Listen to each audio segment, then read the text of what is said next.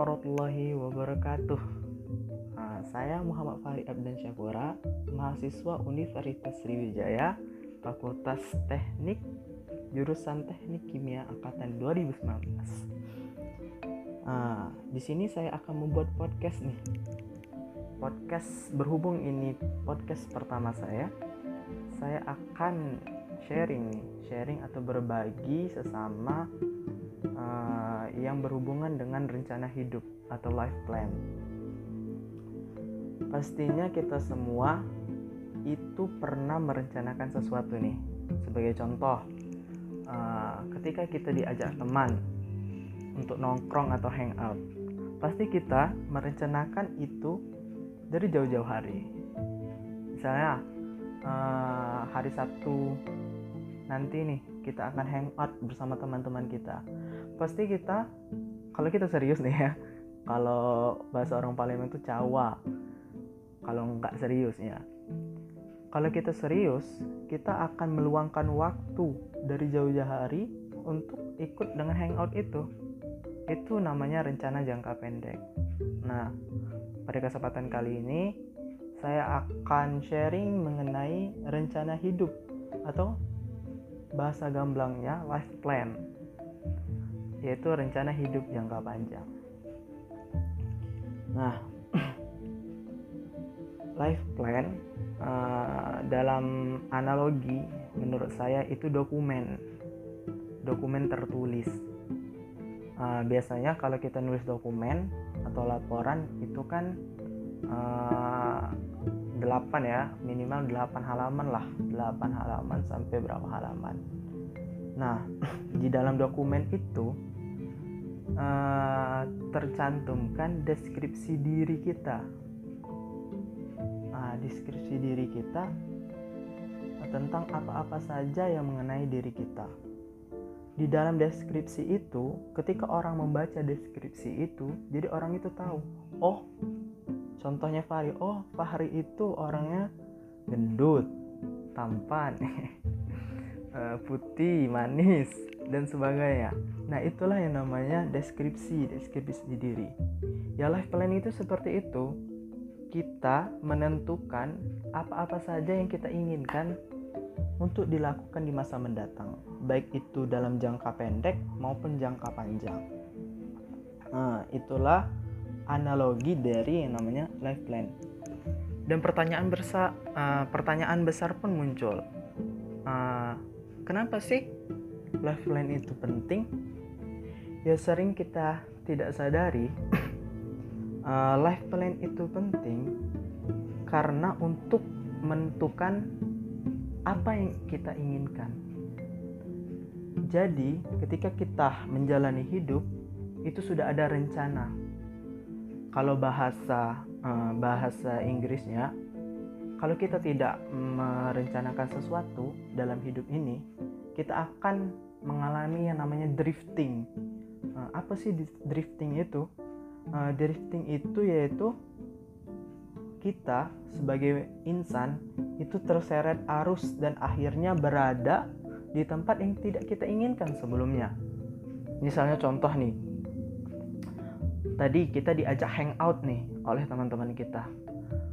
Kalau kita tidak membuat rencana dari jauh-jauh hari untuk ikut ke hangout itu, maka pada kemudian hari itu pasti uh, uh, kita tidak bisa ikut dengan hangout itu. Pasti ada halangannya. Entah itu ada tugas kah ada uh, diajak hangout bareng pacar lah atau disuruh nemenin orang tua lah dan sebagainya. Itu yang dinamakan drifting atau terikut arus karena kita tidak merencanakan dari jauh-jauh hari uh, apa? Lifeline itu mengapa penting juga sebagai contoh nih?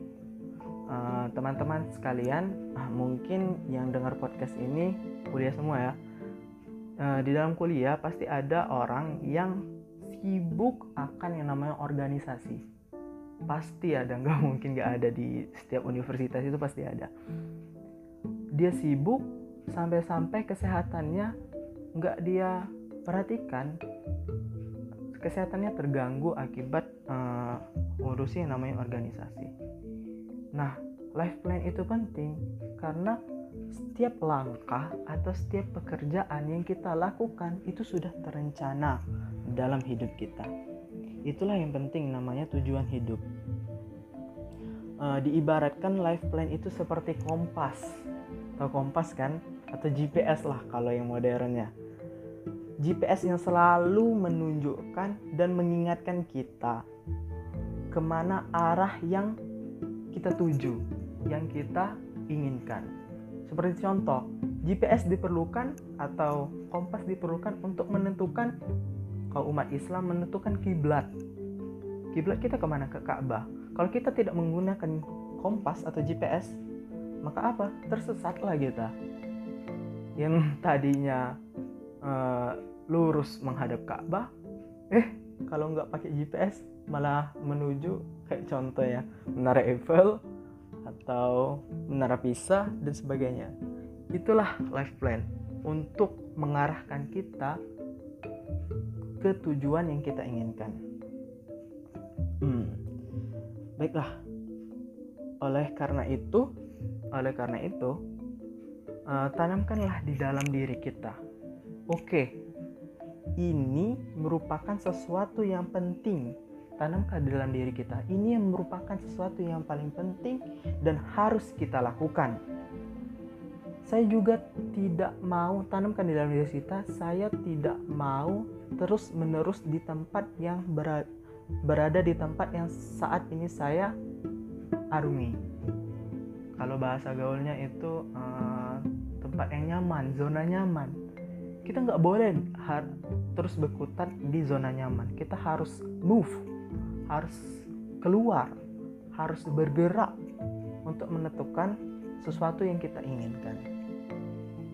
Nah, untuk uh, untuk secara gamblang ya, komplitnya, uh, saya akan mengutarakan uh, hal-hal yang dapat kita lakukan untuk merencanakan hidup kita atau life plan.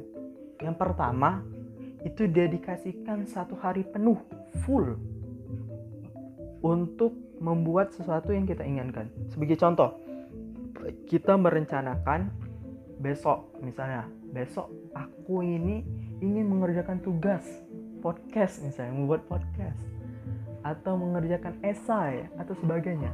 Dedikasikanlah itu satu hari full tanpa diganggu oleh kegiatan-kegiatan yang lainnya. Maka ketika kita ketika kita sudah melakukan hal tersebut uh, kita telah menunaikan menuntaskan satu life plan dari rencana hidup jangka pendek kita. Yang kedua usahakan kita itu melakukan rutinitas itu uh, di tempat yang kita uh, senangi sebagai contoh, ketika kita membuat tugas misalnya, itu taruhlah diri kita di suasana yang paling nyaman, yang paling nyaman untuk mengerjakan tugas. Dengan begitu, kita akan uh, istilahnya itu cepat otak kita itu cepat untuk mengerjakan suatu soal itu. Nyaman kan? Nyaman terbawa bukan di tempat yang tertekan sehingga kita tidak bisa uh, mengerjakan Eh, mengerjakan tugas tersebut secara cepat dan tepat. Dan yang ketiga, usahakan teman-teman sekalian karena uh, mungkin di zaman sekarang itu kita tidak pernah atau tidak bisa lepas yang namanya teknologi, HP, laptop, uh, komputer dan sebagainya dan lain-lain. Usahakan teman-teman cobalah satu hari go offline. Apa go offline? Itu singkirkanlah yang namanya handphone, komputer, laptop, dan sebagainya. Itu matikan semua dan matikan seluruh koneksi internet. Kerjakan dan ah, kerjakan apa yang Anda senangi. Misalnya, kalau kita suka karya tulis ilmiah, tuangkanlah di dalam coretan kertas kalian temanya ini, uh, kerangkanya begini dan sebagainya. Keluarkanlah seluruh imajinasi kalian, inovasi kalian, tuliskanlah, contengkanlah di kertas. Maka dari itu kita akan terbebas dari yang namanya pengaruh-pengaruh di jejaring internet dan fokus untuk mengerja mengerjakan life plan kita. Nah, pernah uh, pernah suatu hari saya itu uh, saya itu mematikan yang namanya internet, mematikan handphone dan mematikan seluruh teknologi yang saya punya. Di situ saya uh, fokus ketika itu saya ingin menghafal menghafal Al-Qur'an. Ketika kita sudah uh, keluar, sudah keluar dari namanya internet, saya alami sendiri ini jujur saya alami sendiri ketika kita menghafal Al-Quran itu cepat sekali teman-teman. Ketika kalian ini menghafal Al-Quran itu cepat sekali.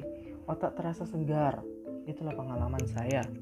Ketika uh, mematikan seluruh teknologi yang saya punya nah dengan itu juga ketika kita sudah uh, keluar dari yang namanya internet kita bisa mengeratkan hubungan seperti contoh uh, selama ini mungkin saya sadari kedekatan antara saya dengan orang tua itu nggak terlalu dekat. Nah, ketika kita sudah mematikan seluruh internet, uh, fokus kepada life plan kita itu untuk membangun hubungan yang semakin erat dengan orang tua kita. Insya Allah itu akan lancar teman-teman sekalian. Kita bisa bercengkrama, kita bisa uh, bercanda bersanda gurau dengan orang tua dengan saudara kita nah itulah penting yang namanya uh, life plan saudara-saudaraku nah uh, cara cara membuat rencana hidup baiklah saya akan memaparkannya itu uh, saya tulis ada tiga cara bagaimana kita membuat life plan atau rencana hidup yang pertama How do you want to be remembered? Bagaimana Anda ingin dikenang? Saudara-saudaraku, uh, Abu Bakar As-Siddiq, Umar bin Khattab, Utsman bin Affan, Ali bin Abi Thalib itu merupakan sahabat-sahabat Rasulullah yang paling diingat oleh seluruh umat muslim. Karena apa? Karena dia merupakan khalifah kan? Dia membuat sesuatu uh, diri dia bisa dikenang oleh orang lain. Seperti contoh, Abu Bakar. Ketika mendengar nama Abu Bakar, apa yang terlintas di benak teman-teman sekalian? Asidik. Iya, Asidik.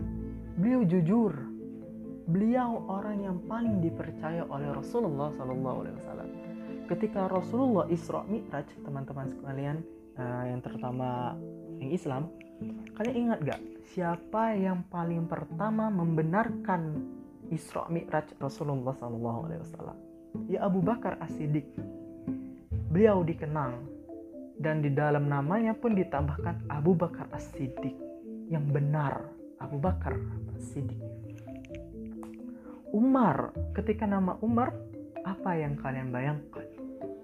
Seorang pria yang tawadu, yang bijaksana, yang berani yang menyebarkan agama Islam secara terang-terangan ketika dia masuk ke dalam agama Islam.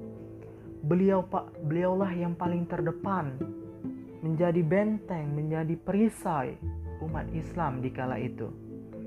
Itu yang Umar lakukan untuk umat Islam. Utsman bin Affan, seorang yang kaya raya tetapi tawadu, seorang yang pemalu, dan seseorang yang dijamin masuk surga oleh Rasulullah Shallallahu Alaihi. Ali bin Abi Thalib, seorang pemuda, pemuda yang pertama masuk Islam, yang paling yang paling dekat dengan Rasulullah Shallallahu Alaihi Wasallam. Itulah empat sahabat yang dikenang. Nah, yang pertama masuk lagi dalam tema kita. How do you become a remember? How do you want to be remembered? bagaimana cara kalian untuk dikenang oleh orang itu uh, hal yang pertama yang harus kita perhatikan dalam membuat life plan atau rencana hidup. Yang kedua, priority. Prioritas. Hal apa yang paling penting dalam hidup Anda? Nah, kebanyakan dari kita sekarang kebanyakan dari kita sekarang itu kebanyakan dari kita sekarang itu uh, memprioritas memprioritaskan keinginan bukan memprioritas memprioritaskan kebutuhan kita. Antara prioritas atau keinginan. Saudara-saudaraku sekarang teman-temanku sekalian ketika kita membuat rencana hidup uh, kita itu harus memperhatikan prioritas. Di sinilah kita uh, di sinilah kita menentukan apa yang benar-benar penting dalam hidup kita. What a matter most. Contoh dalam life, dalam hidup kita yang paling sering atau yang paling penting dalam hidup kita yang pertama apa? Tuhan. Allah Subhanahu wa taala bagi umat Islam. Tuhan, seluruhnya kembali kepada Tuhan, Allah Subhanahu wa taala dalam menentukan uh, rencana hidup. Prioritaslah yang namanya Allah. Mintalah kepada Allah. Karena ketika kita minta kepada Allah dengan setulus hati dengan mengerjakan apa yang ia kehendaki dan menjauhi apa yang dia larang insya Allah kita akan ditunjukkan rencana hidupnya oleh Allah subhanahu dimudahkan Allah subhanahu wa ta'ala. Yang kedua bagi yang sudah punya pasangan hidup prioritaskan pasangan hidup kalian. Bahagiakanlah mereka terutama uh, anak-anak kalian. Bagi yang sudah menikah prioritaskanlah itu. Orang tua uh, orang tua uh, prioritaskanlah orang tua kita. Yang belum menikah prioritaskanlah orang tua kita. Karena orang tua uh, karena kita sekarang itu merupakan hasil kerja keras dari orang tua kita. Kesehatan. Kesehatan juga prioritas kita. Itu ya itu yang kedua. Uh, dari bagaimana cara kita menentukan rencana hidup. Dan yang ketiga action. Take action man. Just do it. Just kerjakan. Apa yang sudah kita rencanakan itu kerjakan bagaimana anda membuat suatu rencana tetapi kita kita tetapi kita tidak mengerjakan rencana tersebut ah Bagian ini terdiri dari beberapa bagian yang telah saya tulis. Yang pertama, purpose, purpose statement, tujuan atau ringkasan singkat tentang apa yang kita ingin capai. Kita buat ringkasannya, tap tap tap tap, buat ringkasan apa yang ingin kita capai. Yang kedua, gambaran, gambaran tentang apa yang akan terjadi ketika kita sudah berhasil untuk mencapai cita-cita tersebut. Misalnya uh, aku nak IPK 4 ketika sudah mencapai IPK 4 lantas apa? Kita harus uh, menentukan setelah kita mencapai uh, rencana yang satu mau diapakan setelah rencana tersebut biar kita tidak drifting lagi dari awal itu terikut dari arus dan sampai di tempat yang tidak ingin kita di sana. Terus inspiring inspire, inspiring atau uh, jadikan sesuatu motivasi yang bisa menyemangati kita. Sesuatu yang bisa membuat kita semangat dikala kita sedang terpuruk. Contoh, ketika kita sedang terburuk, ingatlah orang tua kita. Bagaimana orang tua kita uh, susah supaya membersahkan kita.